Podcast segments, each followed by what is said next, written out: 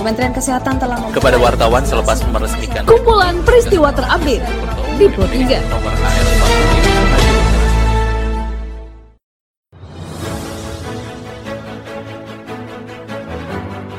45. Halo pendengar, saat ini Anda sedang mendengarkan kumpulan peristiwa Pro 3. Pada podcast kali ini saya akan mengulas terkait isu-isu aktual yang saat ini masih hangat atau ramai diperbincangkan di sekitar kita. Tentu saja pendengar, nanti akan saya hadirkan cuplikan informasi dari reporter kami. Bersama saya Karisma Rizky, inilah kumpulan peristiwa Pro 3 di ruang dengan podcast Anda. Pendengar, sebelum saya masuk dalam beberapa isu aktual yang akan saya hadirkan sesaat lagi, saya akan mengundang Anda untuk mampir ke laman berita kami di rri.co.id. Anda juga bisa memfollow Instagram, Twitter, dan Facebook kami di @rri_programa3. Baiklah pendengar, inilah kumpulan peristiwa Pro 3. Presiden Joko Widodo meyakini Indonesia bisa menjadi produsen utama produk barang berbasis nikel yang dapat diekspor dalam bentuk baterai ke luar negeri. Hal itu disampaikan Jokowi saat melakukan groundbreaking pembangunan pabrik baterai kendaraan listrik di Karawang, Provinsi Jawa Barat pada kemarin. Liput Rini Herani berikut pernyataan Presiden Jokowi. Indonesia akan bisa menjadi produsen utama produk-produk barang jadi berbasis nikel seperti baterai lithium, baterai listrik, baterai kendaraan listrik. Hilirisasi industri nikel akan meningkatkan nilai tambah biji nikel secara signifikan. Jika diolah menjadi sel baterai, nilainya bisa meningkat 6 sampai 7 kali lipat. Dan jika menjadi mobil listrik akan meningkat lebih besar lagi nilai tambahnya yaitu 11 kali lipat.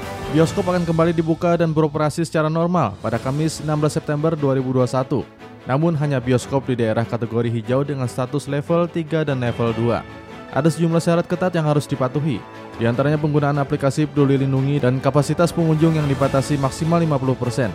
Dikabarkan Sapira Malia, berikut keterangan Koordinator PPKM Wilayah Jawa Bali, Luhut Binsar Panjaitan. Pertama, pembukaan bioskop dengan kapasitas maksimal 50% pada kota, kota level 3 dan level 2. Namun dengan kewajiban menggunakan aplikasi Peduli Lindungi. Saya ulangi, dengan kewajiban menggunakan aplikasi Peduli Lindungi serta protokol kesehatan yang ketat.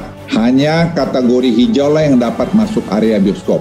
Wakil Ketua Umum Majelis Ulama Indonesia atau MUI Anwar Abbas mengungkapkan tindakan video bernuansa LGBT yang viral di media sosial pada tayangan YouTube adalah perbuatan tidak terpuji dan berbahaya bagi bangsa dan umat manusia di Indonesia. Dilaporkan Rapli Fatur Rahman berikut penjelasan Anwar. Ya bahwa apa yang terjadi di YouTube itu itu adalah sebuah perbuatan yang tidak etis. Itu adalah sebagai sebuah perbuatan yang tidak terpuji. Hal-hal uh, itu sangat berbahaya ya bagi masa depan bangsa kita.